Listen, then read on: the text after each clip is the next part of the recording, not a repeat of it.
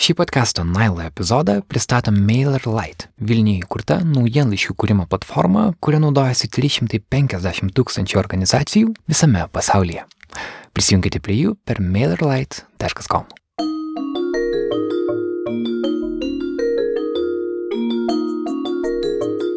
Kažkoks žmogus, e, rezumuodamas metus, pasakė, kad 16 metai buvo metai, kada mirė tavo herojai, o 17 metai, kada tu nusivylėjai savo herojais.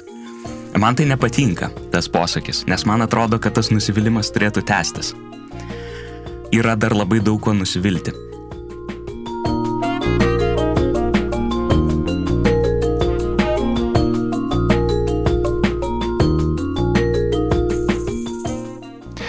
2017 buvo intensyvūs metai, šiandien juos išnagrinėsime po kaulelį. Iš studijos Vilniuje sveikinuosi aš Karolis Višnauskas. Jūs klausotės Nailo podcast'o, vietos, kurioje kas savaitę bandome suprasti modernų pasaulį. Podcast'ą kūrė multimedijų agentūra Nanuk. Prie mikrofono susėdame net septyniese. Artūras, fotožurnalistas ir vienas iš Nanuk įkūrėjų. Berta, multimedijų žurnalistė ir viena iš Nanuk įkūrėjų. Karolis Pilypas ir vienas iš Nanuk Karolių. Mindaugas Drigotas, multimedijų žurnalistas Nanuk agentūroje. Kata, podcast'o garso redaktorė. Laura, kartu su Karoliu dirbu prie Nailo podcast'o. Kiekvienas mūsų savo galvoje atsinešėme tris įvykius, kurie mums atrodė svarbiausi Lietuvoje ar pasaulyje per 2017 metus. Sutarėme, kad vienas kitam nesakysime, kokie tie įvykiai bus, nuo to ir pradėjome metų aptarimą. Likite kartu.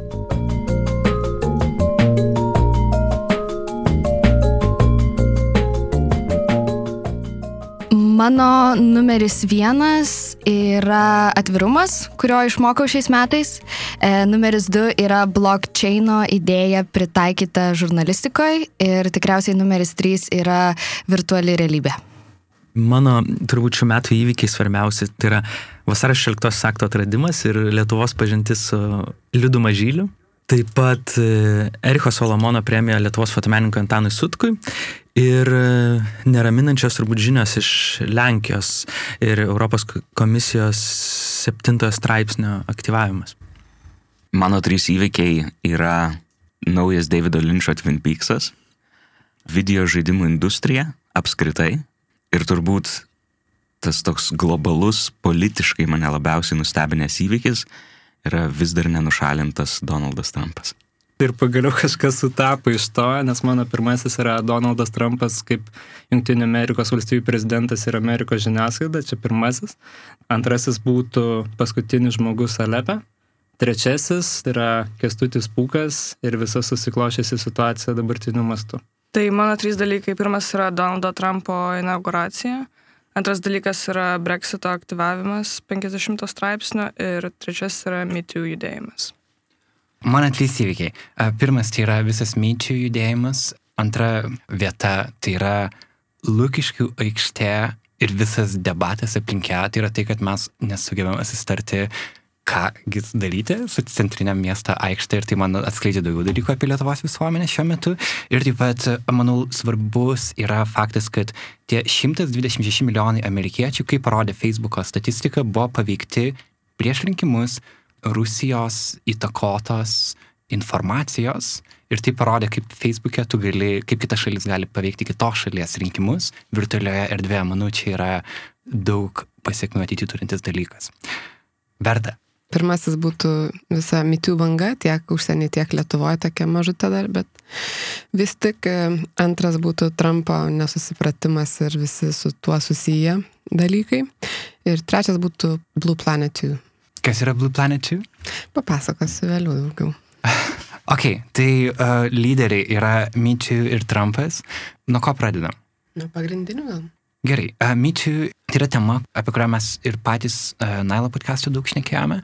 Atrodo, kad apie tai gal viskas tarsi jau išsakyta, bet kita vertus, gal dar niekas neišsakyta. Berta, kaip tau atrodo? Man atrodo, kad dar labai daug kas yra neišsakyta, nes tai yra tokia tema, kuri prasidėjo nuo tarsi elementaraus dalyko, seksualinio priekabiavimo, bet iš tikrųjų išsivertė į daug vis, visokių atšakų, sluoksnių įvairiausių problemų, pradedant nuo švietimo, nuo lytinio švietimo, baigiant apskritai santykių žmonių, psichologijos ir, ir, ir įvairiausių daugybę dalykų, kaip žmonės supranta, kas yra santykiai, kaip žmonės supranta, ką galima, ko negalima, viešoje ar, ar privačioje, ar darbo aplinkoje, kaip žmonės supranta iš vis, kas yra priekabiavimas, kaip žmonės dabar bijo ir sako, kad iš vis nebebus baisu užkalbinti kažką, kažką pakalbinti, nes vadinasi nežino, kur yra riba. Apskritai santykiuose labai daug priimtinų dalykų galima pereiti ir prie smurto, psichologinio, tiek fizinio. Žodžiu, man atrodo, kad tai yra tokia viena iš nedaugelio temų, problemų, apimančių absoliučiai visus liečiančių absoliučiai visus. Ir tai yra tokia plati ir tokia sudėtinga tema, kad jai, man atrodo, dar reikės skirti labai daug laiko, labai daug dėmesio, jinai auks, jinai vyniosis, jinai išsivystys į kažką, apie ką dabar dar net sunku numanyti ir nuspėti. Ir jeigu klausia, ar, ar jau viskas pasakyta ar dar ne, tai man atrodo, kad vis dar labai mažai pasakyta. Aš dar taip pat norėčiau paklausti mūsų komandos vyrų, kaip jum visą tai pasirodė. Aš turbūt pradėsiu nuo e, vieno komentaro, kurį perskaičiau internete.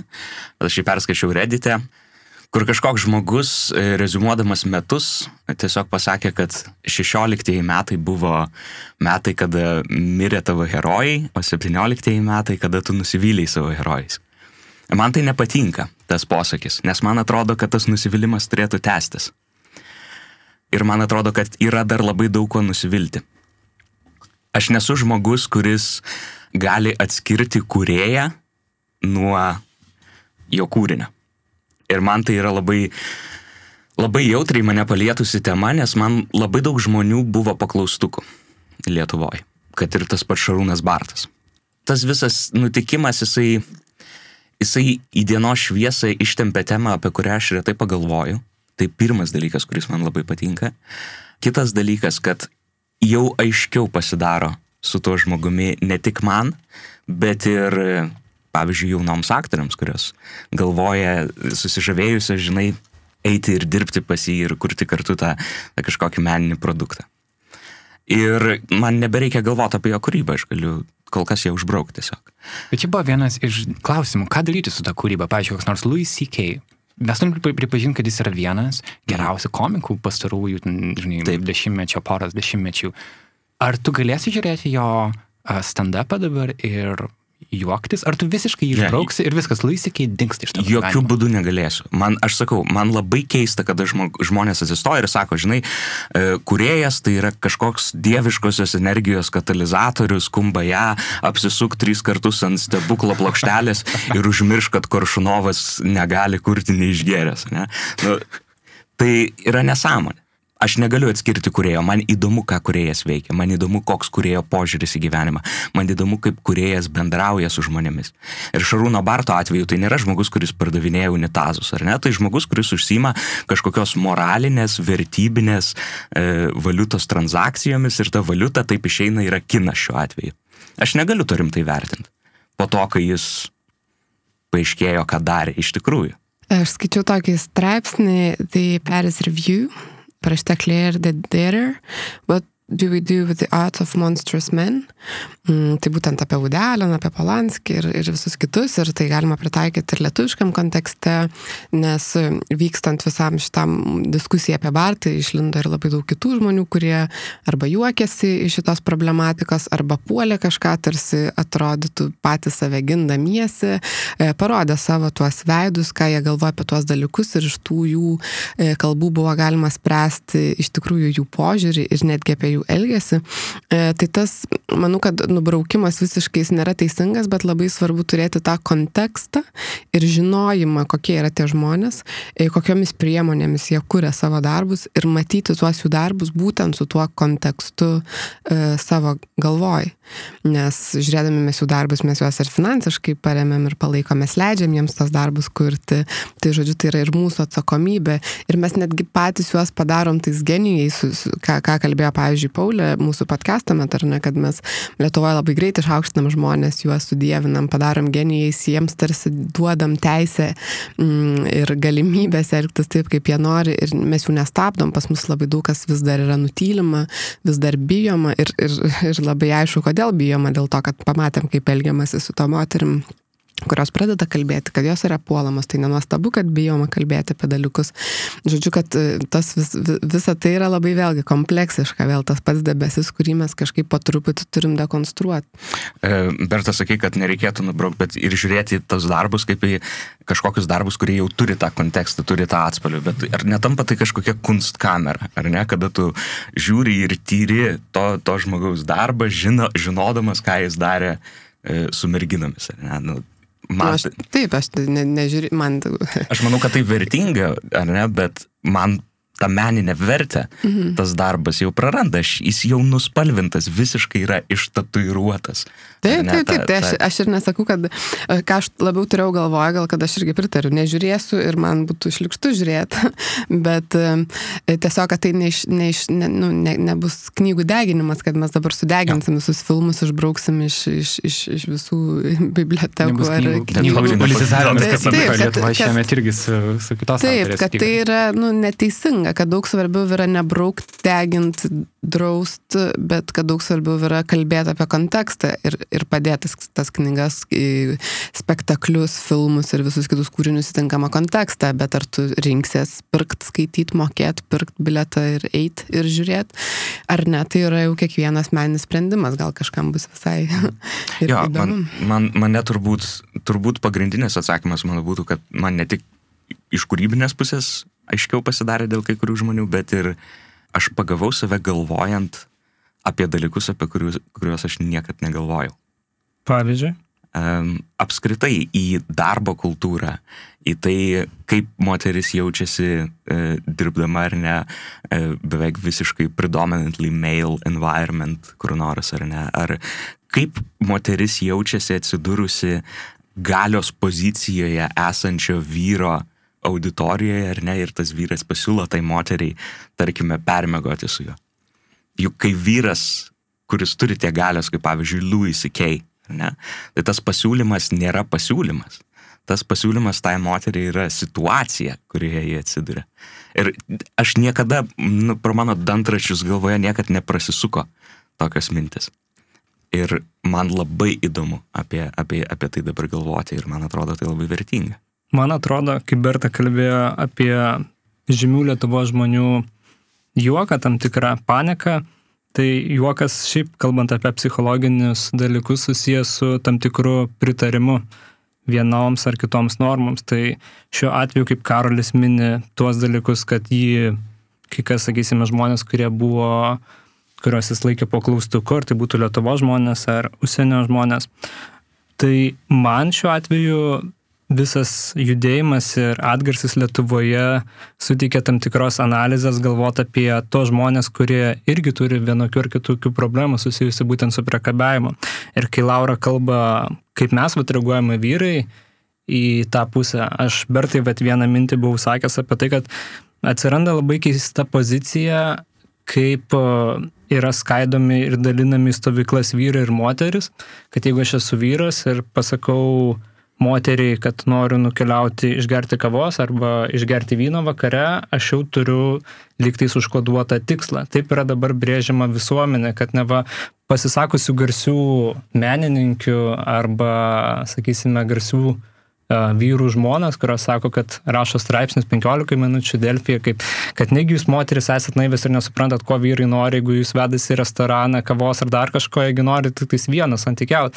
Tai tada aš kaip vyras jaučiuosi net šiuo atveju pažemintas, nes aš būnu prilygintas ne vagyvuliui, kad aš vadovaujuosi gyvuliniais instinktais ir noriu vieno tik tais seksualinio savo pasitenkinimo ir tai yra viskas. Ir tai yra dar viena problema, apie kurią, manau, tikrai verta ir reikalinga kalbėti, apie abilitis, nes abi gali patirti prievartą. Ir kitas dalykas, kad nebūtinai ją patyrus mes negalim demonizuoti nei vienos ar kitos pusės. Ir man atrodo yra labai svarbu atkreipti tuos dalykus. Tik tais Lietuva aš pastebiu tendenciją, kad tos temos dėja net ir įgavusios labai didelio atgarsio labai greitai pasimiršta ir tada jas reikia vėl prikelt. Ir nežinau, ar dabar galėčiau kalbėti apie kestutį pūką, nes čia viskas su tuo labai yra kartu susiję, ar tęsiam toliau? Manau, galim perėti prie uh, Pūko šiek tiek vėliau. Dabar mes tarsi kalbam labiau apie tą konkrečiai Barto istoriją ir apskritai galbūt nuo Hollywoodo prasidėjusią istoriją. Pūkas atrodo yra apskritai keista kalbėti apie Pūką, ar ne, bet paliek, paliekam jį truputėlį šiek tiek vėliau. Ar turit norėję, ar Berta kažką turėt pridėti? Mane kažkaip šitas visas judėjimas iš tikrųjų turbūt e, nebūtum pasiruošęs ir emociškai turbūt neatsimenu tokios istorijos, kur būtų tiek kainavę emocijų, e, kur tiesiog tas dienas kažkaip ten visiškai jaučiausi nukautuotas. Ir iš tikrųjų turbūt vien šitą temą mes galėtume visą podcastą paskirti, nes čia yra daugybė, daugybė aspektų, ką ir Berta pradžioje sakė, kuriuos galim aptarti ir, ir iš tikrųjų labai įdomu, kaip mes galim dabar gyventi su tais kuriejais, sakykime, kurie, kurie, kurie vaikšto tarp mūsų, nes šiaip ta diskusija turbūt apie tai, kaip reikia žiūrėti, ar, kaip, ar galima atskirti kūrybą nuo kur, e, kurėjo jo asmenybės, sakykime, tai jinai jau šimtmečius gyvuoja ir, ir nuo Karavadžio, Picasso ir taip toliau, bet aišku, viena yra vertinti istorinės asmenybės, ar ne renesanso ar baroko tapybą, kita yra vaikščiot šiandien su tai žmonėm, prasilenk gatvėmis, žiūrėti jų filmus, remti, savotiškai legalizuoti jų. Bet man galbūt įdomiau dar buvo, aš tai pasirinkčiau tokį vieną, vieną tokią e, kryptį, kas, kas man įdomu pakalbėti apie šitą. Tai, tai yra žiniasklaidos reakcija. Ir po mūsų paskutinio e, podcast'o apie etiką žurnalistinę, kuris buvo suvakt, sutiktas taip truputį gal kaip naivus koks pokalbis tam tikrų kolegų žurnalistų. E, tai būtent per tokius skandalus, man atrodo, išriškėja, kaip yra svarbi etika ir jinai, ja, tai labai sunku suvokti, kai mes gyvenam, e, kai yra rami diena ir nieko nevyks, bet kai kažkas atsitinka, kaip Lukiškai aikštės skandalas, kaip kampanija Micijų, mes pamatom, kaip žiniasklaida negeba atstokoti elementariausio profesionalumo ir būtent dėl to stokos profesionalumo, dėl etinių standartų nebuvom, dėl nemokėjimo nušviesti ir, ir suvaldyti tokių krizių, dar labiau gilinama susipriešinimai tarp visuomenės ir turbūt šiandien turint tai, ką turim. Dėl to labai džiaugiuosi mūsų tokia Nanuk komandos greita reakcija, kur mes visi gerdami klub matę, turbūt 30 valandų prasidėjom prie kompiuterio daugiau negu parą laiko. Ir taip, tai turbūt daugybė patirties, labai vertingos daug patirties turbūt buvo tas 30 valandų mums. Jo, ir paskui labai toks gilus miegas po to. E, tas darbas iš tikrųjų man irgi buvo labai vienas šių metų tokių patirčių labai svarbių prie tos istorijos. Ir tos diskusijos nuolatinės dirbant e, tarpusavį labai daug davė. Bet e, ką aš norėjau grįžti visgi prie pūko ir labai keista ir net liūdna, kad tu sakai, ai, čia pūko kažkaip keista apie išnekėti. Man atrodo, kad tai irgi yra problema, dėl to, kad tarsi tavo požiūriu E, galim šnekėti apie genijus kuriejus ir kad tai yra tarsi bohemos ar kažkokių aukšt, aukštų galios pozicijų užimančių vyrų, e, e, vos ne privilegija dabar, kurią mes iš jų turime atimti. Bet pūkas yra labai e, labai toks klasikinis geras to pavyzdys, kad būtent tai yra tai, kas vyksta. Ir tai yra visur, visokiuose sluoksniuose, visokio išsilavinimo. Vėlgi, jis yra Seimo, Seimo narys, kad ir kaip e, tai keistai keist, keist, skambėtų, ar ne, ir žiū, matant jį ir, ir girdint ir jo klausantis, e, tikrai e, nežinodamas, nepriskirs jam tokių pareigų. Bet kad jo elgesys ir va, tai yra va, toks kaip tik pats tikriausias ir pats griniausias, mano galva, pavyzdys ir, ir didžiausia problema, nes būtent jis yra atėjęs jis yra išrinktas žmonių, e, jis yra atėjęs iš, iš, iš, iš, iš, iš, kažko, iš kažkur, kur tai yra priimtina, normalu, kur tai vyksta. Ir man atrodo, kad, kad tai kaip tik labai tinka čia kalbėti ir, ir plačiau išsiplėsti, kad nekalbėtume tik apie genijus e, herojus, kur, kuriais mes staiga nusivylėm, nors turėjom kažkokią. Jo, nes aš net nemanau, leis, kad pertraukiau, kad verta dar apie įtratą ir tada vėl apie jį kalbėti. Aha. jeigu galima apie tai kalbėti dabar, nes tai Žinoma, labai susiję dalykai. Jo, aš visiškai pritariu. Ir puka, taip, turbūt turi mindaugai daug informacijos apie, aš tik pridursiu, kad um, kai prasidėjo Buvo paskelbta informacija apie jį, kad jis atėjęs į Vilnių nori e, savo padėjėjam, padėjęs ieško iš tikrųjų visai ne kaip ten padėjęs, o kaip savo ten, kažkokias seksualinės partnerės. Atėjo tada komentarai iš kokių dešimties metų senumas, kažkur skirtingose formuose, dar kažkur jis tai darė kaune, atrodo, daug metų žmonės, tai nėra, na, tai nėra patvirtinta, bet yra daug komentarų iš skirtingų žmonių ir tos istorijos atrodo pakankamai realistiškos. Jis supranti, kad atrodo kaune jis tai darė daug metų ir tiesiog atvykęs į Vilnių jis šiek tiek kitokią kultūrą pamatė. Nežinau, ką tu norėjai pridurti. Aš dar tik atliepsiu apie labai įdomų tavo pastebėjimą apie tuos gandus, kurie yra nei patvirtinti, nei paneigti.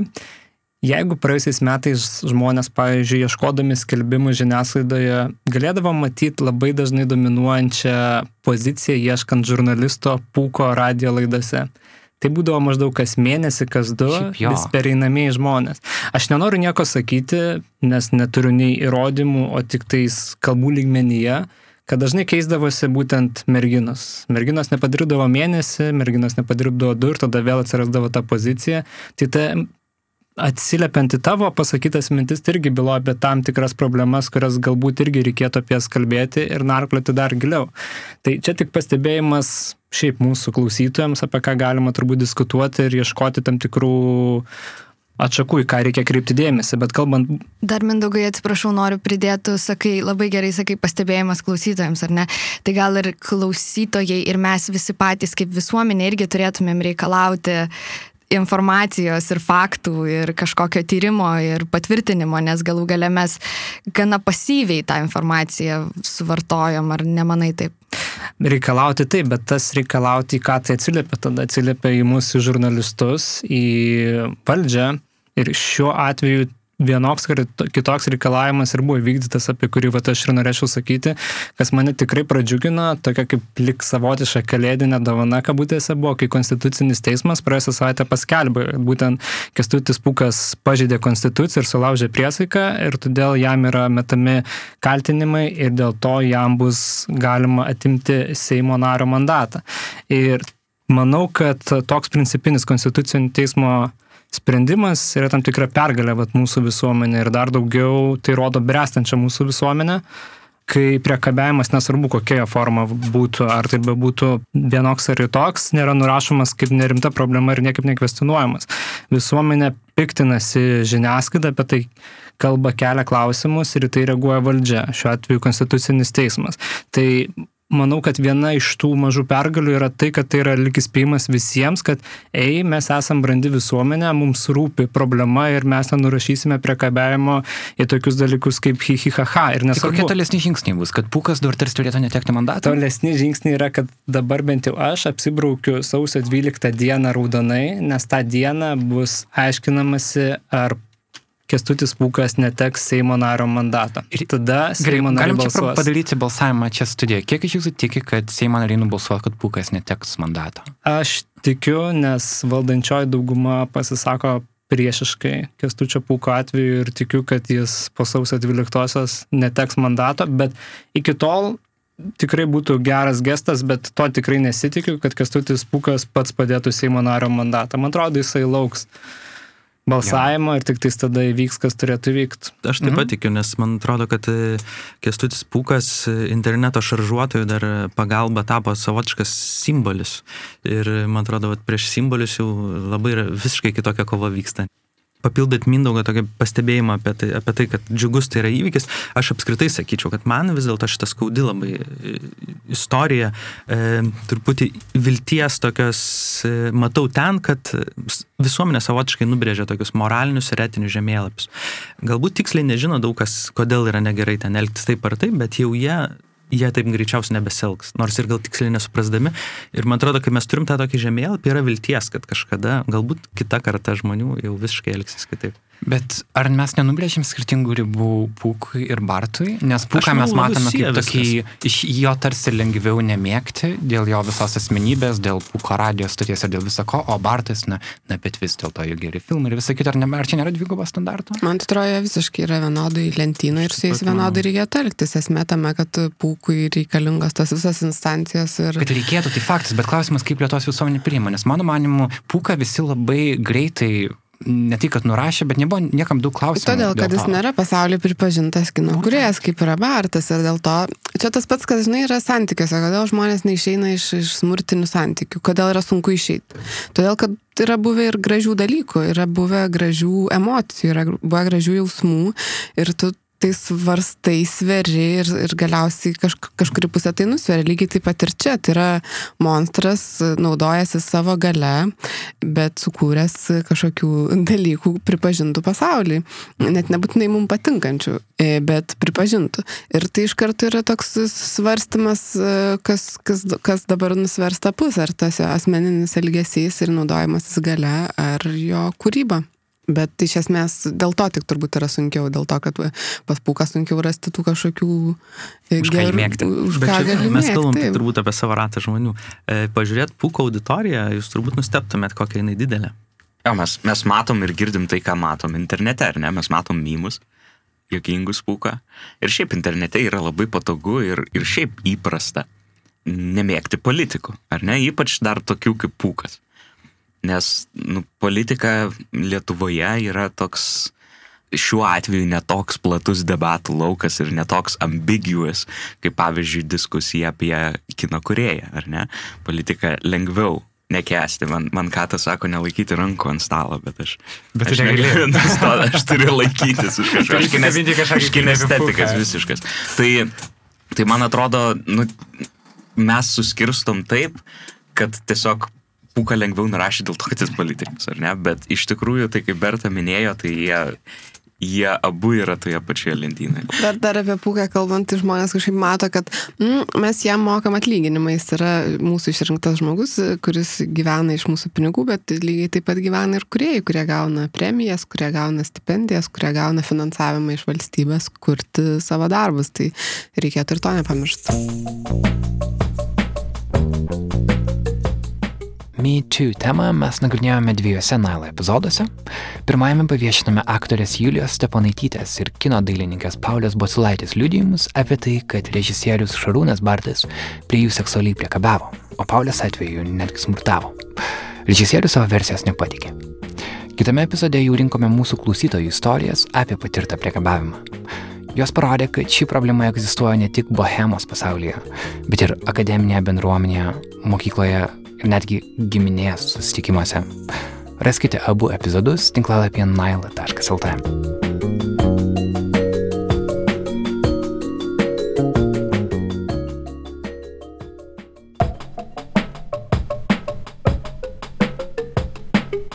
Judame toliau prie JAV prezidento Donaldo Trumpo. Žmogaus, kuriam per jo karjerą buvo mesti 19 skirtingų moterų kaltinimai dėl priekabiavimo. Prieš rinkimus pasirodžiusiame garso įraše jis pats teigia, kad, cituoju, kai esi žvaigždė, moterys tau leidžia su jomis daryti bet ką. Pavyzdžiui, griebti už jų lytinių organų.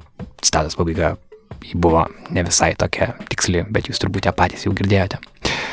Šiuo metu Trumpą nepalaiko 56 procentai amerikiečių. Kaip rašo BBC, Trumpas yra vienas labiausiai nepopuliarių prezidentų moderniais laikais. Ir vis dėlto jis yra išrinktas JAV prezidentas šiuo metu. Ką jo vadovavimas reiškia pasauliui per 2017-uosius.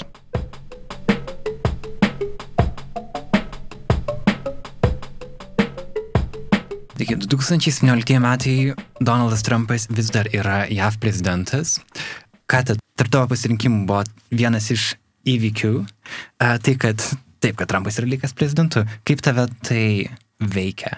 Aš nesuprantu, kaip vienas žmogus gali turėti tiek galios visose srityse kažkaip pasaulyje, tiek daug įtakos su savo Twitteriu, aš nesuprantu, tai kažkoks yra paralelinis pasaulis.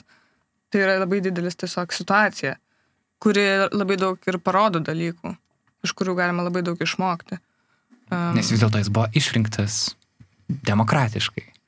Jo, negalėčiau drįsti sakyti, kad darykime, eikime prieš Trumpą ir e, kodėl, kodėl žmonės to nedaro ir kodėl žmonės jį palaiko.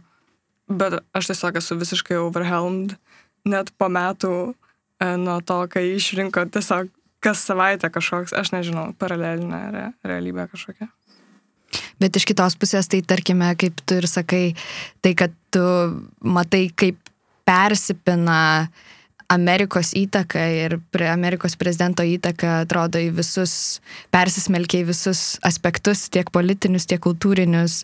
E, Tai iš tikrųjų, man atrodo, parodo, kokią didžiulę įtaką turi Amerika ir, ir, ir jos politika. Ir tai, žinoma, kad tai yra labai sudėtinga situacija, kurioje mes dabar esam, bet tuo pačiu metu tai aš kažkaip pažiūriu į tai pozityviai, dėl to, kad mes visi tampam labai uh, aware, gal kas nors padės man ištar, išversti šitą žodį lietuvių kalbą, taip sąmoningi.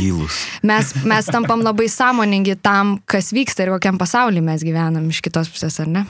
Arturai, tu keliavai po Junktinės Amerikos valstijas tuomet, kai Trumpas jau buvo išrinktas prezidentu, Ne, būtent per, per- pačius per rinkimus, pačius rinkimus, Tai buvo dar 16 metais, bet sakyk situaciją toliau, kaip tu viską matai, ar taip ir įsivaizdavai pirmosius jo prezidentavimo metus? Na, turbūt aš tik atskridęs tada į Junktinės valstijas kažkaip net neįsivaizdavau, kad bus tie metai su Trumpu. Iš Lietuvos išvažiavau su tam tikrais įsivaizdavimais, su tam tikra nuomonė apie Trumpą, kuri, aišku, iš tikrųjų nepasikeitė. E, Labiau gal pasikeitė nuomonė apie Amerikos e, Junktinių valstijų rinkėjus.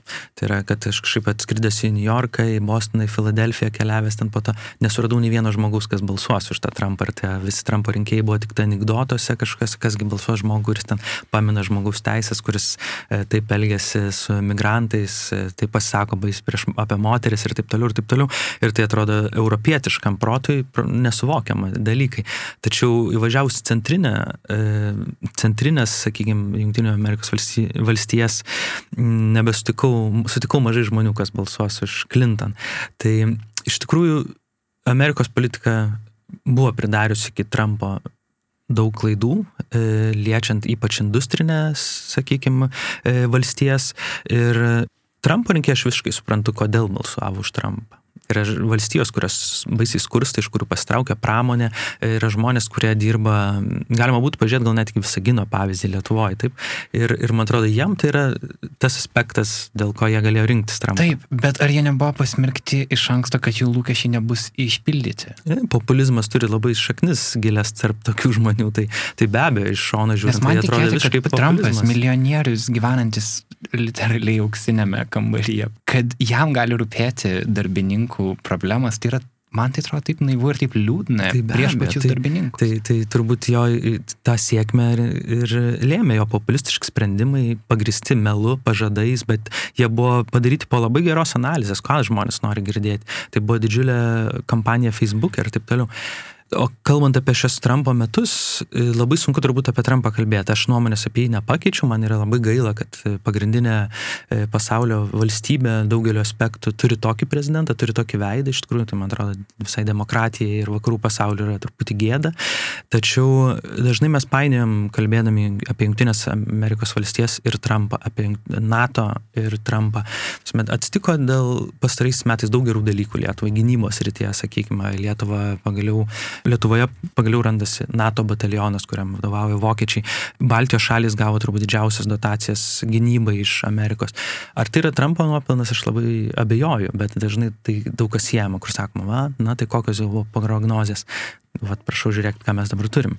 Aš jau prieš rinkimus turėjau tokią nuojautą, kad Donaldas Trumpas bus prezidentas. Bet aš tikrai tikėjausi ir niekad negalvojau, kad, kad sėdėsiu šioje pozicijoje po metų ir žinosiu, kad Trumpas dar nenušalintas. Žinai, vietoje būtų Mike Pence, kas yra klausimas, ar tai būtų geriau. Laura, Bet pridėti. ten visi turi kris kaip lampa. Aš norėjau e, atsispirti nuo to, ką jūs em, kalbėjot apie propagandą ir Rusijos poveikį ir e, paminėti, žinoma, mes kalbam apie fake news, ar ne dabar, ir nors iš tikrųjų tas e, ta, ta pati koncepcija fake news, jinai egzistavo labai labai daug metų iki tol, tačiau su Trumpu ta problema labai iškilo ir pasidarė labai opi ir skaudimum visiems. Tai iš tikrųjų e, norėčiau gal atkreipti dėmesį į tai, kad e, ateina laikas ir žurnalistikai, ir medijoms apskritai permastyti savo darbo metodus ir atrasti būdus, kaip tapti skaidresniems, kaip atrasti metodus, kaip tikrinti faktus, kaip skelbti informaciją ir kaip tarsi atkurti žmonių pasitikėjimą žurnalistiką, ar ne? Tai, tai yra irgi toks didelis darbas, kuris laukia mūsų prieš akį, bet tuo pačiu metu aš manau, kad tai yra pozityvus dalykas. Kalbant apie fake news, buvo labai įdomus tyrimas padarytas Oksfordo universiteto tyrimo centro. Jie apklausė apie 141 mm, didžiąją, didžiųjų leidiklų redaktorius ir apklausos rezultatai nustebino patį Oksfordo universitetą tuo, kad jie yra pakankamai tikrai nepozityvus. Apie 70 procentų redaktorių yra įsitikinę ir baiminasi, kad kitais metais fake news tik tais dar daugės. Šiemet New York'e vykusiame žurnalistikos forume garsiausių leidinių redaktorių kalbėjo apie žurnalistikos problemas ir aš vieną citatą pasižymėjau, kuri man atrodo yra labai svarbi. Žurnalistikoje mes matome empatijos žlugimą. Per Donaldo Trumpo rinkimus didžiausia Amerikos žiniasklaidos priemonė problema buvo ne tai, kad mes nerašome apie žmonės, kurie balsavo už Donaldą Trumpą. Didžiausia problema - mes nerašome jiems. Ir man atrodo, šita Amerikos problema išsakyta mm, užsienio žiniasklaidos atstovų atliepia ir Lietuvos problemą, tuo, kad mes dažnai marginalizuojam tam tikras žmonių grupės arba iš visas nurašome į paribius. Nereikia iškoti labai daug pavyzdžių apie tai, kad kada paskutinį kartą mes matėme kokią pozityvę naujieną apie Vilniaus taborą ir jo gyventojus, įskaitant jūsų renktą podcastą apie jaunus Romus.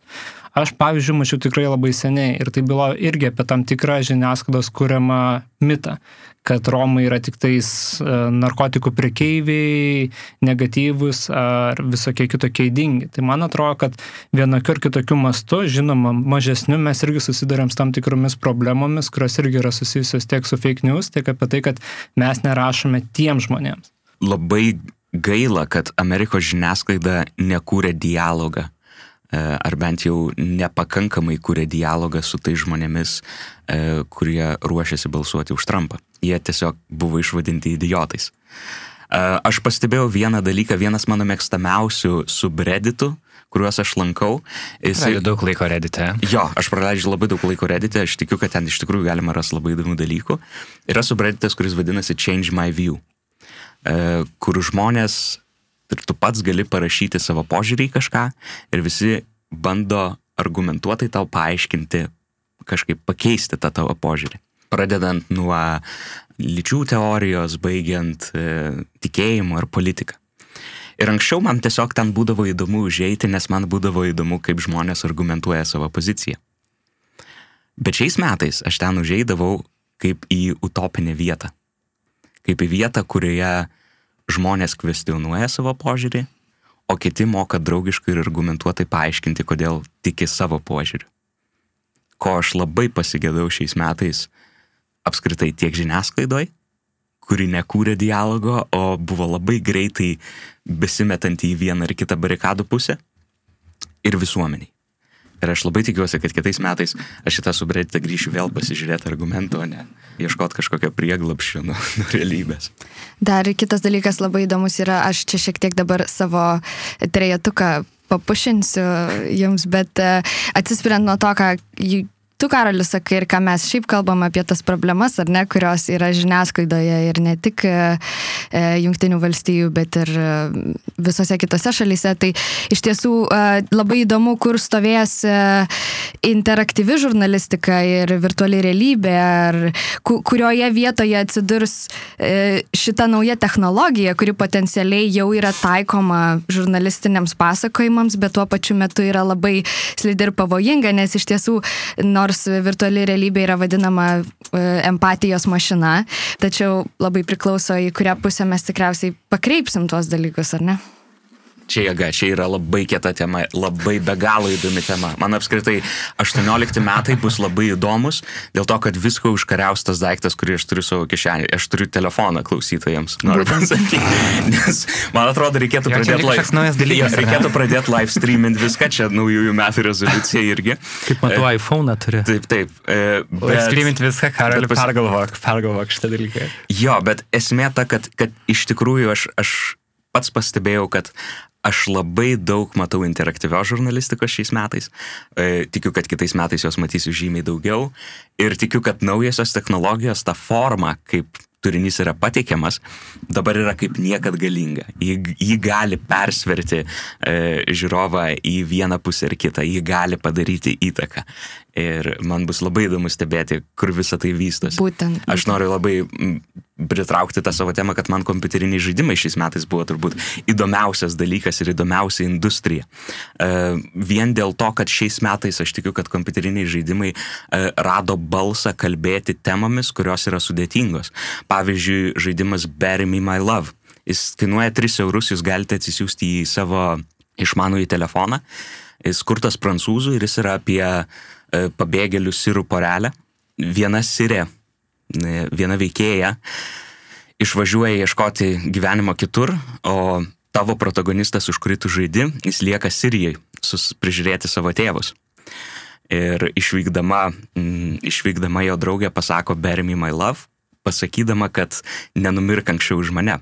Bet kuo tas žaidimas yra įdomus, tuo, kad jisai integruojasi į tavo telefoną ir jis veikia kaip, jis veikia su notificationais, jis veikia kaip čatas, atskiras čatas egzistuojantis tavo gyvenime. Tai skaitydamas Facebook'o žinutės, tu taip pat gauni žinutę iš savo draugės Sirės, kuri pavyzdžiui tavęs klausia, kurį turėtų mėgoti šiandien. E, ir tu turi atsakyti. Ir labai įdomus ne, konceptas, kuris integruoja e, žaidimą ne kaip kažkokį laiko praleidimo būdą, bet kaip žaidimą, žaidimo medijumą, kaip kažką, kas leidžia pasakoti istoriją ir ta istorija tave seka toliau, ar ne? Ir čia, čia yra labai paprastas pavyzdys, čia yra labai paprastas žaidimas, kuris irgi gali padaryti daug įtakos dėka savo formos kiti žaidimai, net ir didžiausi žaidimai, blockbusterio tipo žaidimai, irgi randa balsą kalbėti temomis, kurios yra sudėtingos, kurios yra mm, egzistuojančios žinai, socialinėje pasąmonėje. E, ir tas labai įdomu, nes pavyzdžiui, geriausias turbūt metų filmas, jeigu kalbam apie blockbusterius, man buvo Dunkirk. E, ir daug kas labai pritempinėjo, nes sako, čia svarbus filmas dėl to, kad nu, tai yra svarbi tema, žinai, karas, karo baisumas ir taip toliau. E, žaidimuose, kai kuriuose man net nereikėjo, nereikėjo pritempinėti tų temų. Jis buvo aiškiai ten parodomas, jis buvo aiškiai aiškinamas ir įdomiai analizuojamas. Dėl to man labai įdomu stebėti apskritai, kur vystosi virtualioji realybė, kur link eina augmentuota realybė, ypač augmentuota realybė. Jo, palėti čia mano, mano, mano stygą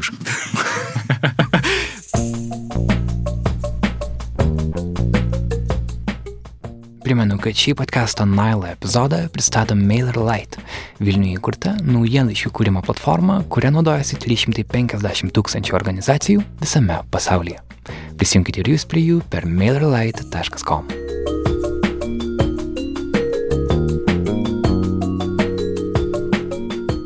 Aptariant metus labai lengva matyti tai, kas nepavyko, kas mus pykdė ar liūdino, Tačiau antrąją podkasto dalį mes norime skirti įvykiams ir kūriniams, kurie mus džiugino 2017-aisiais. Pradeda Kata. Man dalykas, kurį noriu pasakyti, yra diskusija. Tai yra geras dalykas atsitikęs šiais metais. Jis irgi išeina iš to paties Trumpo ir iš mitių. Bet aš turėjau, dėka šitų dalykų, aš turėjau galimybę e, kalbėti su žmonėm, su kuriais šiaip tom temam gal nekalbėčiau um, ir suprasti ir suvokti daug dalykų ir kaip Laura minėjo, samoningumas irgi atsiveria šitų problemų, dėl to jos tarsi ir turi tą teigiamą įtaiką. Aš gal dvi istorijas paliešiau, kurias taip iš pažiūros gal ir ne visiškai susijusios, bet man jos kažką tokio turi bendro. Tai yra dizainerio Andrius Lavašanausko pergalė Lukiško aikštės konkurse. Čia yra mano liūdno istorija. O kitas, tai Lietuvos pažintis su profesoriumi Liudu Mažyliu ir jo atrastas vasario 16 aktas Berlyne. Ko šios temos man yra turbūt smagios, džiugios ir kas jos yra vieno, kad paprastas žmogus, sakykime, tai yra tiek paprastas kuriejas, jaunas menininkas be didelio užnugario, tiek, sakykime, be akademiniam elitui Lietuvos, apskritai elitų nepriklausantis akademikas, Liudas Mažylis sugebėjo savo nuoširdumu, e, savo, nežinau, patriotiškai kažkaip vedamas smalsumu didžiuliu atrasti nepriklausomybės aktą ir padovanoti Lietuvą, Lietuvai šimtmečio progą. Ir aš pamenu kažkaip per Kaunas Jazz festivalį sinagogai buvo vienas iš koncertų ir aš, ir aš taip tarp žmonių eidamas ir pamačiau antram aukšte prie kolonos stovinti Liudą Mažylį, užsimerkusi, linguojantį į džiazo muziką ir aš supratau, va, jis visada čia buvo. Labai paprastas mokslininkas, kuris e, tiesiog norėjo, jam buvo labai įdomu, jis sėdo į autobusą, nuvažiavo į Berlyną, rado, pasidžiaugė savo šeimą ir tai buvo, man atrodo, labai toks gražus, nuoširdus, apskritai dėmesys jam, dėmesys humanitariniam mokslam Lietuvoje, kurie truputį primiršti ir trūksta dėmesio jam. Ir ta visa reakcija iš to sakio, akademinio, to tokio elito, kur ten kažkokių tarsi reikalavo iš jo čia reikalingų kredentialų, kažkokių ten diplomų ar dar kažko, kažkokio statusų, ne, tai yra paprasti žmonės, kurie iš savo meilės kažkokios ir smalsumo pasiekė pasiekė tai, ką ja, simboliškai galima džiaugtis. Simboliškai, kad jo pavardė yra mažylis. Atrodo, nieko, tai kaip pasakos herojus kažkoks atrodo. Bet jo, tikrai geras įvykis. Berta, ka- kas, ką išskirtum tu? Labai norėčiau pasidžiaugti e, Lietuvos neįgaliaisiais sportininkais, kurie neseniai vykusiose pasaulio žaidynėse ir pasaulio čempionatuose laimėjo ir auksų, ir sidabro, ir bronzos medalių. Tai ir Mindaugas Bilius, ir, ir Edgaras Matakas, ir Kestutis Kučas, ir e, Ramūnė Domaitinė, ir kiti sportininkai, kurie pernai nedalyvavo Rio žaidynėse.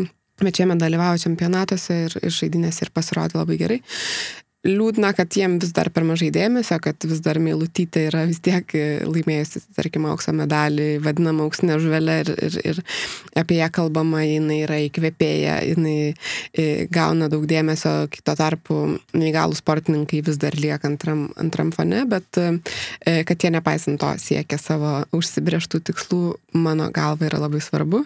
E, kitas man labai svarbus dalykas, apie kurį tu šiek tiek klausai, kas yra Blue Planet. tai yra Taip. E, yra dokumentinis serialas, kuriamas BBC apie povandeninį pasaulį, e, kaip yra Planet Earth, taip yra ir Blue Planet, ir tai yra antrasis leidimas to serialo. Pirmasis buvo berots 2001 metais. E, Kas mane ten žavi, tai yra tos temos nagrinėjamos e, po, pasa, po vandeninio pasaulio. E, užfiksuota yra daug iki šiol nematytų, nežinotų dalykų, kaip pavyzdžiui, žuvis keičianti lytį e, arba e, klimato kaitos e, padariniai. O kaip žuvis keičia lytį? Tu turi pažiūrėti šitą serialą. Ar sužinosi, žuvis, viskas labai... žuvis chirurgas? Viskas ne, tai savaime, savaime tai vyksta. Ir, ir, ir man atrodo, kad vėlgi žiūrint, į tai galima daug paralelių suvesti su, su, su mūsų pasauliu, pamatyti labai nu, nuostabių dalykų, kaip žuvis ten dantimis traiško kriuklytes ir ar jas daužai sienas, arba kaip um, rykliai mm, doroja e, pūvantį e, banginio karkasą ir panašiai. E, Tai yra neįtikėtina technologijų panaudojimas ir išnaudojimas ir e, laiko labai daug skirta tam surasti kiekvieną tą situaciją, atrasti situacijas, tai kas įvyksta neplanuojant, nes tai yra dokumentika, nes net stebint kelis mėnesius kažkokią žuvį, pavyzdžiui, ar, ar, ar, ar aštunkoji, pradedant filmuoti, nutinka kažkas visiškai netikėto ir nematyto ir nežinoto ir jie tai užfiksuoja.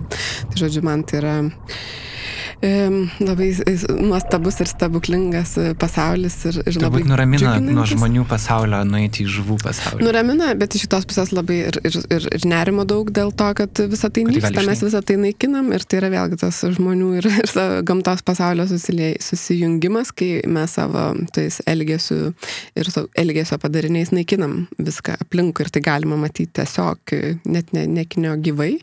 Em, Tai tai yra liūdna, bet vis dar matyti, kad to, to viso gėrio ir grožio yra, yra gera, kas dar Star Warso naujas filmas, dar dar nemačiau. nemačiau. Dar nemačiau, bet, Nespoilink. bet dar yra vat, šiais metais e, smagių e, dalykų, kuriuos padaryti ir man, kas dar labai smagu, tai yra Nailos podcastas, e, dėl to, kad man tai Metų įvykis. Metų įvykis.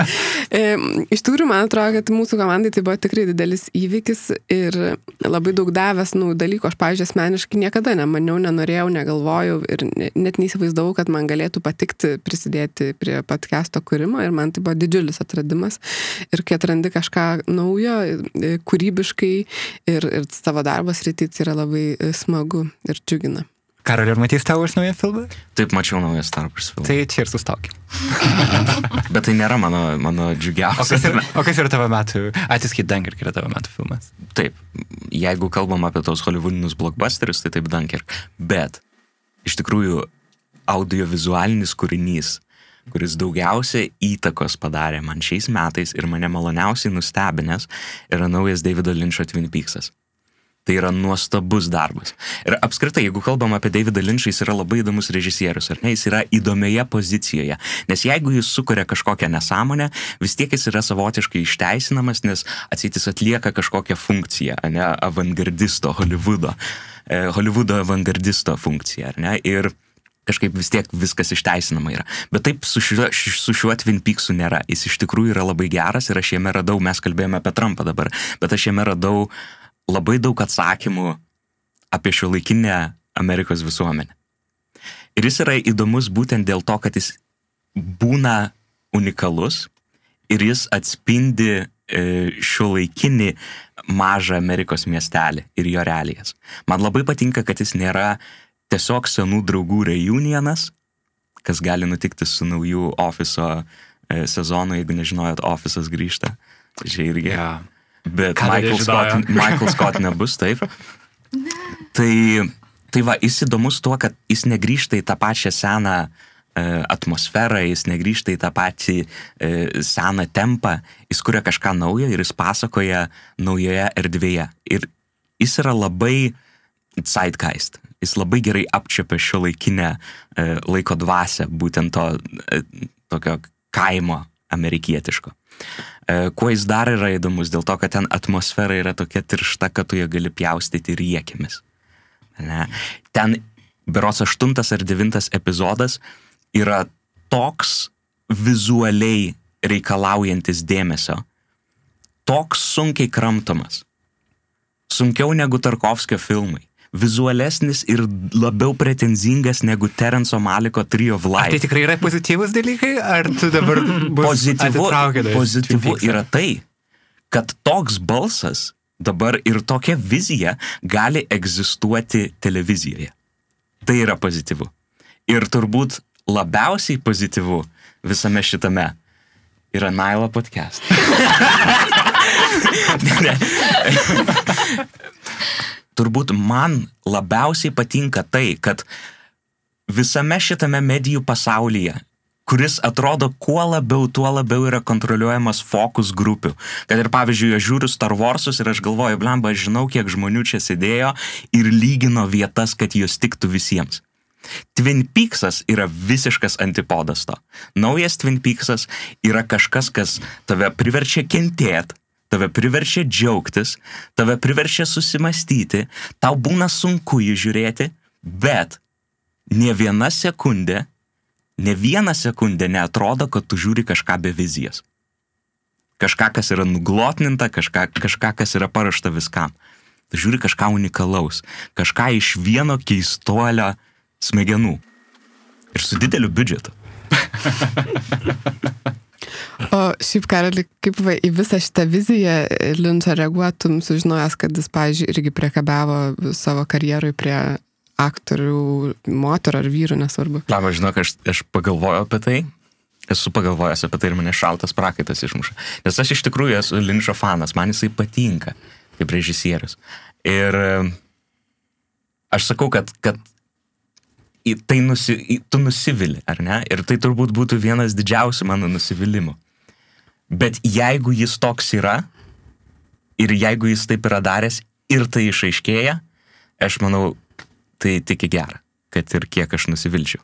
Bet atsimenu, kai buvo paskelbta apie naują Twin Peaks sezoną, labai daug žmonių darė tokius uh, think pieces vadinamus, kodėl nereikia naujo Twin Peaks sezono, kodėl, um, na, laikai pasikeitė ir taip toliau. Ir tada kažkas parašė atsaką, tarsi tai, kuris man pasirodė labai prasmingas. Tai yra, sako, žmonės, nepanikuokim dėl to, kas neįvyko. Tarkim, tu minėjai ofiso naują sezoną. Galbūt jis bus blogesnis, bet palaukim, gal jis bus ok. Su Twin Peaks tu- įsirutuliojo viskas labai puikiai. Jo, ir- Tai galbūt su Linču kartais gerai turėti, tai tu nori tikėti, kad žmonės bus geresni negu, negu jie yra. Ir tarsi turbūt tai yra toks kažkaip žmonijos, in human nature kažkas, kad tu tikiesi, kad viskas bus ok. Tai gal kartais mes gyvename iliuzijoje, bet gal taip kažkaip lengviau, aš nežinau. Tiesiog gal svarbu abejoti ir viskuo ir niekuo nebūti šimtų procentų užtikrintų. ir Bet tai gal tu irgi niekada nebūni šimtų procentų laimingas ir kažkaip įstraukęs. E, Bet gal tai yra, gal, gal tai yra ir gerai, dėl to, kad visada yra dar kur vietos būti e, laimingesniam arba kažkokiam užtikrintesniam. Šiaip Naila podcast'ą aš irgi esu pasižymėjusi savo sąraše geriausių dalykų, kurie man įvyko šiemet.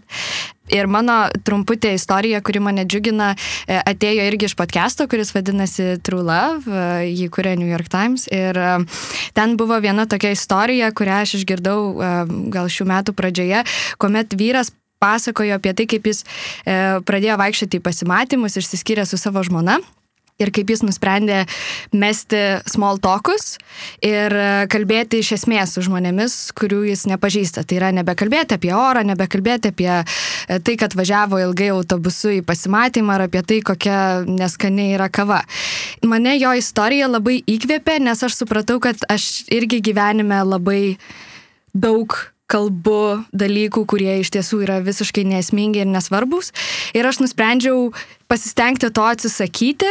Ir kadangi šiemet persikrauščiau į naują miestą ir dabar gyvenu Amsterdame, tai man buvo puikia proga tą išbandyti. Ir man tai buvo visiškai nuostabus atradimas, kada aš būdama atvira ir nuoširdi, žinoma, viskam yra savos ribos, bet tai man padėjo atrasti naujus žmonės ir susirasti uh, nau, ir surasti naujas draugystės, kurios galbūt niekada nebūtų gimusios.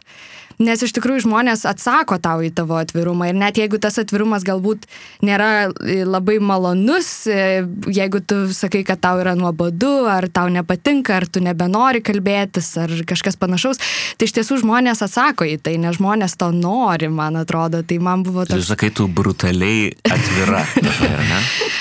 ne brutaliai, bet man, aš manau, kad pagavimas savęs momente tai, ką aš dabar jaučiu, kaip aš dabar jaučiuosi ir buvimas atviru apie tai yra labai labai svarbus dalykas, nes mes to dažnai nedarom. Ir mes dažnai vengiam. Bet man atrodo, kad žmonės, kurie mėgsta būti brutaliai atviri, labiau mėgsta būti brutalūs negu atviri. Tai ir yra, man atrodo, skirtumas tarp e, to, ką tu vadini brutalumu ir to, ką aš vadinu, tarkime, nuoširdumu. Tai yra tai, kad aš, aš niekada nesiekiu kažko įžeisti ar įskaudinti ar priversti jaustis nejaukiai.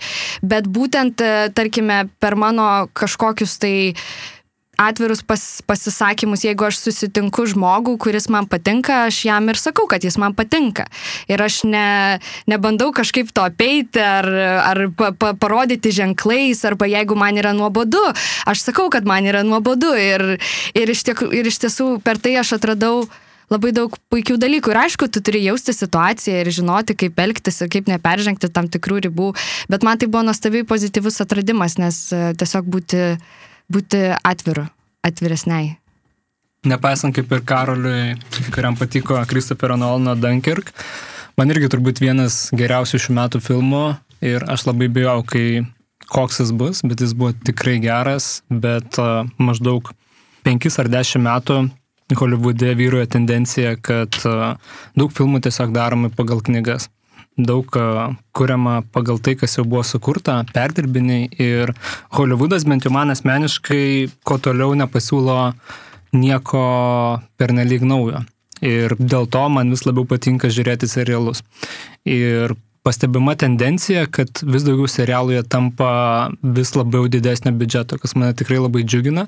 Jeigu aš nematau gerų istorijų filmuose, aš galiu jas susirasti žiūrėdamas serialus. Ir labai plati amplitudė, ar tai filmai apie feminizmą, ar tai filmai apie homoseksualus. Šitos temas jau nebėra tabu ir tas mane turbūt labiausiai skatina vis daugiau žiūrėti serialus, nes filmuose aš to kažkaip nebematau tiek daug arba taip gerai išplėtota, kaip yra serialuose. Ir turbūt vienas geriausių dalykų, kurie vyruoja, kad kitais metais uh, tie biudžetai dar didės ir serialų bus pasiūloma dar daugesnė įvairovė. Ir manau, tai vienas yra džiugiausių momentų, kai filmai ir jų istorijos dėja nebetampa tokios įdomios kaip serialų ir ta riba tokia tarp biudžeto ypač jį nebesimato. Ir tai tavo turbūt... šiuo metu top serialas, kuris buvo? Šiais metais turbūt Tarnaitė. Handmaid's Tale? Taip, kuris tikrai yra ir savotiškai sukrečiantis, ir Amerikos visuomenę suvirpinantis, nes jis norėtų labai plėtoti daug sužeto, bet tai tiesiog yra labai Ten, utopinė situacija. Kuria visos moteris turi gimdyti vaikus. Taip, kurios tampa šiuo atveju tik tais kaip vaikų išnešiotojas. Ar tai sako, kas čia utopiška? Kas čia utopiška. Jeigu pasižiūrėtum tą serialą, tikrai pamatytum, kad jis kitaip konstruojamas negu iki šiol buvo. Uh, antrasis dalykas, kuris yra labai svarbus ir kurį vat, sužinojau iš Bertos, nežinau, ar jūs irgi kiti skaitėt straipsnį, kuris kalba apie žiniasklaidos problemas ir kaip žiniasklaida užsidirbs artimiausioje ateityje viena vertus tu norėjai dabar išgirsti tų tokių pozityvių dalykų, bet čia gal tas bus. bus. bet jis kils iš tokių gal nebūtinai pozityvių dalykų, kalbant apie reklamos įtaką ir reklamos pinigus. Nes jeigu jau Amerika išgyvena tuos laikus, kai iš reklamos užsidirbta tampa pa, pakankamai sudėtinga, tai man atrodo Lietuvoje ta situacija yra dar keblesnė, kad mes neturim pinigų arba neturim jų tiek daug kūriniui turti. Bet tai mes turim 63 nuostabius Patreon rėmėjus. Dėl ko jums labai dėkojam, kad galime tą daryti ir jų tikėkime kitais metais dar daugės. Man atrodo, kad turės žiniasklaida tiek užsienio, tiek Lietuvos persvartyti. Aišku, tai bus labai skausmingas momentas, bet atsižvelgti savo vartotojus, skaitytojus, žiūrovus, kad ir kokia tai būtų medija pasirinkta, kaip tuos pinigus susidirbti kitaip. Ir man atrodo, jeigu Patreon yra tik tais viena dabar tokia, pavadinkime, nišinė platforma, tai ar Patreon, ar kažkuri kita savo mastu kažkada tikrai įgaus dominuojantį pavydalą, nes tas perskirstimas pinigų finansavimo šaltinis turės būti visiškai kitoks. Aš dabar savo studijose, mes apie tai labai daug kalbam ir labai daug diskutuojam šituos dalykus, tai iš tikrųjų yra, yra labai, aš, ne, aš nebūčiau tokia tikra kaip tu, kalbėdama, kad tai tikrai įvyks, kad uh, crowdfundingas tikrai įgaus ateityje didelę prasme žurnalistikos finansavimą ir panašiai, nes iš tiesų dalykai iš tiesų yra labai neaiškus ir bus labai įdomu pasižiūrėti, kur viskas eina. Ir čia yra labai svarbus klausimas, bet nebūk toks tikras. Aš nesakau, kad tai užims būtent dominuojančią padėtį kaip miniu, bet turiu minti, kad persvarstyti būdai užsidirbimui tikrai bus. Tu matai tai kaip teigiamą pokytį. Taip, nes šiuo atveju tai bylos apie turinį, mm. kad mes neturėsime žinučių rašyti tiesiog iš Facebook, iš dar kažkokias tampa labai dažna tiesiog informacijos šaltiniu, bet jie tikrai turės būti uh, analizė patikiama žymiai platesnė, negu mes turime dabar. Jo, ir manau, nu, nu, nu, irgi bus to pokyčio, ne tai, kad dalis mes patys tai ir patirsim ir žiūrėsim, kur visą tai veda. Mano a, du teigiami dalykai, kuriuos noriu apie 17 metus pasakyti, tai aš noriu a, pasidžiaugti Eglės Vertelytės filmų Stebuklas, čia daug kalbam apie kiną šiandien. Šitas filmas man patiko visų pirma savo žvilgsniu į istoriją. Atrodo, po filmo Emilija iš Laisvės alėjos aš buvau pradęs vilti, kad Lietuvos kino režisieriai gali nors kiek adekvačiau žiūrėti į Lietuvos istoriją, be tokio patriotizmo vos neprievartą žiūrovui dedamo į akis. Eglės filmas parodė, kad tu gali bandyti suprasti tos žmonės, kurie svėmečiai sugriuvus neteko kartu ir savo gyvenimo, kaip tai juos paveikia, nes likščiol juos užjausti dar yra vis dar kažkokia tabu tema Lietuvoje. Man patiko šis filmas pabandė tai padaryti, man atrodo, kine pirmą kartą, jį vis dar rodo kino teatruose, tad uh, rekomenduočiau nueiti. Ir taip pat išskirčiau iš muzikos ryties grupę Frank Fitz, tai yra trys, ką tik mokyklą baigę bičiai iš Vilniaus, kurie kūrė tokią muziką, kokios aš niekada anksčiau Lietuvoje negirdėjau. Jie turi prieigą prie rock, roko istorijos, ateinančios per 90-ųjų, toks skate punk muzika, kuria atrodo, jeigu tu paimi Lietuvos muzikos istorijas tokiais uh, mamontoviškais arba kokiais nors netgi celiškais dainų uh, tekstais ir visa tokia estetika, kuri irgi turi savo vertę, bet čia yra visiškai kitas pasaulis ir aš matau ateinančią naują kartą į muziką ir pats kaip dabar nutolęs nuo muzikos, kuriai atidaviau nemažai metų, man dabar gara matyti tuos žmonės scenoje, kad atrodo, kad dėl scenos viskas yra ramu. Tai va, paklausykit, grupė Frank Fitz išleido albumą jo Lonely. Um, visiškai pabaigai labai greitai, ką savo pasižadėt kitiem metam, 18 metais, kuo būsite geresni negu buvote dabar, uh, ką tai? Aš galiu pasižadėti Nailą podcastui, kad bus daugiau garso meno ir sound dizaino, nes man tas irgi, man tas patinka podcastuose ir iš šitos pusės norėčiau tokį pas, pasidaryti, tokį pažadą, kad pasistengsiu daugiau garsų įdėti, ne tik redagavimą, bet ir tiesiog išplėsti visą garsinį pasaulį podcastais. Super. Laura. Išmokti šokti tepą. Tepas yra toks solo šokis, žinot, kur būna ant e, batukų priklijuotos metalo plokštelės ir šokėjas pat šoka ir kuria muziką šokdamas. Tai yra tepas. Step top. Kalbant apie pasižadėjimus, tai turbūt norėčiau pasižadėti kitais metais daryti mažiau temų, bet daryti jas nusekliau ir giliau. Taip pat, nanuk, skaitytojam ir gerbėjom galėčiau pasižadėti įvairesnių temų, norėčiau, kad mes visi darytumėm įvairesnių. E, o kalbant apie tokį pirmąjį pavyzdį, e, tai pasinaudosiu eterį ir pareklamuosiu naują nanuk projektą, apie kurį, kurį pristatysime sausio pradžioje. Tai jis vadinasi Kol dega raudona. Tai yra dokumentinis projektas apie Rusijos politinius pabėgėlius Lietuvoje, apie jų bendruomenę, e, apie žmonės, apie paprastus rusus, kurie, kurie dėl, dėl politinio persikėjimo, dėl žmogaus teisų aktyvizmo, dėl priklausomų LGBT bendruomeniai buvo persekioti režimo ir privalėjo atvažiuoti čia į Lietuvą kaip į naujus saugius namus. Super, manau ir podcast'e bus įdomu aptarti šitą temą. Berta. Aš ko norėčiau ir ko savo žadu, tai yra mažiau darbo, daugiau knygų, filmų, serialų ir daugiau tokio laiko galvoj sukurti ir iš, iš, išgvildenti dalykus tam, kad paskui būtų galima kurti išoriai. Toks mano didžiausias noras. Nu ir dar panarda šiek tiek tai mėlynoji planetai. Aš savo pasižadu pasiruošti daug popkornų, stebint, kaip keičiasi medijų kraštovaizdis. E, Man atrodo, kad e, išmanieji telefonai ne tai, kad kažką pakeis, jie bus labai didelių tektoninių lūžių e, esmė šiame, šiame medijų landscape greitų metų. Ir antras dalykas, aš galbūt net nežinau, ar Karolis leis. Aš irgi nežinau, ar Karolis leis. Aš nežinau, ar Karolis leis, bet leis ar leis, reikia sakyti. Čia viena iš mano rezoliucijų gali būti pradėti kalbėti lietuviškai. ne, bet iš tikrųjų aš visai norėčiau dažniau atsisėsti prie mikrofono, nes man visai čia jauku. Manau, kad klausytojai norėtų tavęs dažniau prie mikrofono ir... Ar tikrai galim padaryti Facebook polą? Galėsim tai padaryti. Manau, kad tavo epizodas apie kompiuterinius žaidimus, tavo interviu su Artūru Rumensevu buvo tikrai wow. Mes galim išduoti su Berta išnekėjome, kad galvom, gal tai gali būti labai jūsų kažkoks nišinis dalykas, kurį tik jūs suprasit, bet gavas taip, kad tie žmonės, kurie apie kompiuterinius žaidimus nieko nesuprato anksčiau, ne tik, kad nesuprato, galbūt tiesiog jam tai nebuvo tema, jiems tai patapo tema, jie išklausė valandos interviu. Tai yra šis tas. Ačiū tau už tai labai. Mindaugai. Ačiū tau, Karol.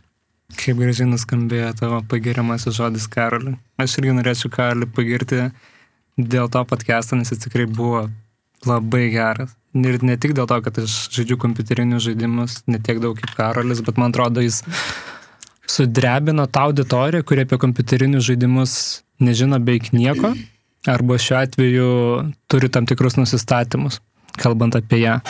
A, ką pasižadėti, tai galbūt nepasižadėti, kai mes kūrėme klipą dar prieš Nailai tampant kūnu apie behind the scenes. Šiuo atveju e, tu labai bijojai, ar tai iš vis kažkas, ar tai pavyks ar nepavyks. Tai man atrodo, kad mes savotiškai sugriovėm tą mitą Lietuvoje, kad lietuviškas podcastas nebus klausomas, juo nieks nesidomės ir tiek patys Patreon rėmėjai, tiek ir kiti žmonės, kurie dalinasi savo nuomonėmis, pastebėjimais, nuorodomis į podcastą, man atrodo, tik tais patvirtina, kad tokio podcasto reikia ir norėtųsi tada pasižadėti gal ne tik savo vardu, bet ir komandos vardu, kad mes toliau analizuosime įvykius, aktualijas, bet ir kitas temas, kurios Lietuvo žiniasklaida nepaliečia arba ji tiesiog būna už viešo diskurso ribų. Jo, kaip prieš savaitę įrašinėjome epizodą čia su mūsų klausytojais, e, viena iš jų Veronika paklausė, sako, o tai jūs tas kitais metais, ar ne? Ir sakau, jo, aišku. Ir tada atrodė, kad ji nori, kad mes testume ir man to užteko, kad jėga, kažkas, kažkas to laukia. Ir tikrųjų, e, mano pasižadėjimas yra tęsti Nailą toliau, atsisakyti dalies darbų, kurie man trukdė tai daryti ir tiesiog atsiduoti šitam projektui. Šią visą valandą turbūt kalbėjome apie tos 17 metus, kurie buvo labai vairūs. Buvo ir tikrai džiugų įvykių, kur kai kas pasakė ir prajuokino, e, bet buvo ir labai liūdnų, ypač metų pabaiga turbūt buvo tokia, kur jautėmės truputį sutrikę, emociškai pavargę ir taip toliau. Bet e, manau, kad Lietuvoje mes gyvenam tokiai virsmų dabar etape, kurie yra labai nepaprastai įdomus, bet kokiam tyrinėjančiam visuomenę žmogui, e, esančiam jos dalimi. Tai, tai, tai galima irgi žiūrėti pozityviai, tai aš gal mūsų visų Nanuk komandos, e, komandos narių vardu norėčiau pasižadėti klausytam, kad mes būsim tu turbūt e, visų virsmų e, fiksuotai ir pasakosime jums įdomias temas, pasakosime jas turbūt kitaip negu, negu tai daro masinė žiniasklaida Lietuvoje ir labai tikime kažkaip, kad žmonės įvertins šį skirtumą.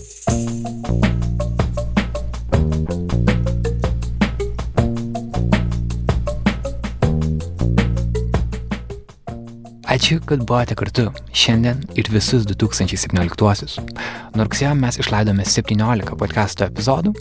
Kviečiame juos išgirsti tinklalapyje naila.lt arba savo telefono podcast'ų programėlėje. Kitą savaitę epizodo nebus. Norime skirti šiek tiek laiko atsikvėpti, norim iš šalies pažiūrėti, ką darome, ką reikėtų keisti, kaip padaryti podcastą dar įdomesniu jums. Tad labai laukiam ir jūsų nuomonės apie tai. Parašykite mums į naila.nanuk.lt arba tiesiog į nanuk Facebook'o paskyrą. Patikėkit, jūsų žodis labai labai daug reiškia. Ačiū Jums už jį. Nailas sugrįž sausio 9-ąją, tai bus antradienis. Nuo kitų metų nusprendėme epizodus leisti ne ketvirtadieniais, kaip buvo likščiol, o antradieniais. Pasižymėkit, pasižymėkit šią datą. Ačiū naujausiams mūsų Patreon rėmėjams - Saulė Šiliūnaitai, Ingai Jarmoškaitai, Rūtai Jakštaitai, Arėjui Užgiriui ir Linui Kasminui. Jūs leidžiate mums judėti į priekį, mes jums labai labai dėkingi. Kviečiame ir kitus klausytojus prisidėti. Mūsų adresas yra patreon.com arba patreon.com, pasvirasis brūkšnys, nanuk, multimedia, kaip vienas žodis. Naila muzikos autorius yra ir visus 17 metus buvo ir 18 bus Martinas Gailius iš Soda Sounds, mūsų garso režisierė yra Kata Bitoft. Naila LT rasite mūsų diskusijos užkulisių nuotraukas, jų autorė yra Gintarė Kulytė. Epizodą večiau ir montavau aš Karolis Višnauskas. Nailo podcastą kuria multimedijų agentūra Nanuk. Ačiū StartFM studijai, kurie mus visus įsileido ir sutalpino į savo nedidelį kambariuką. Gerų naujų metų jums, labai greitai susitiksim. Iki.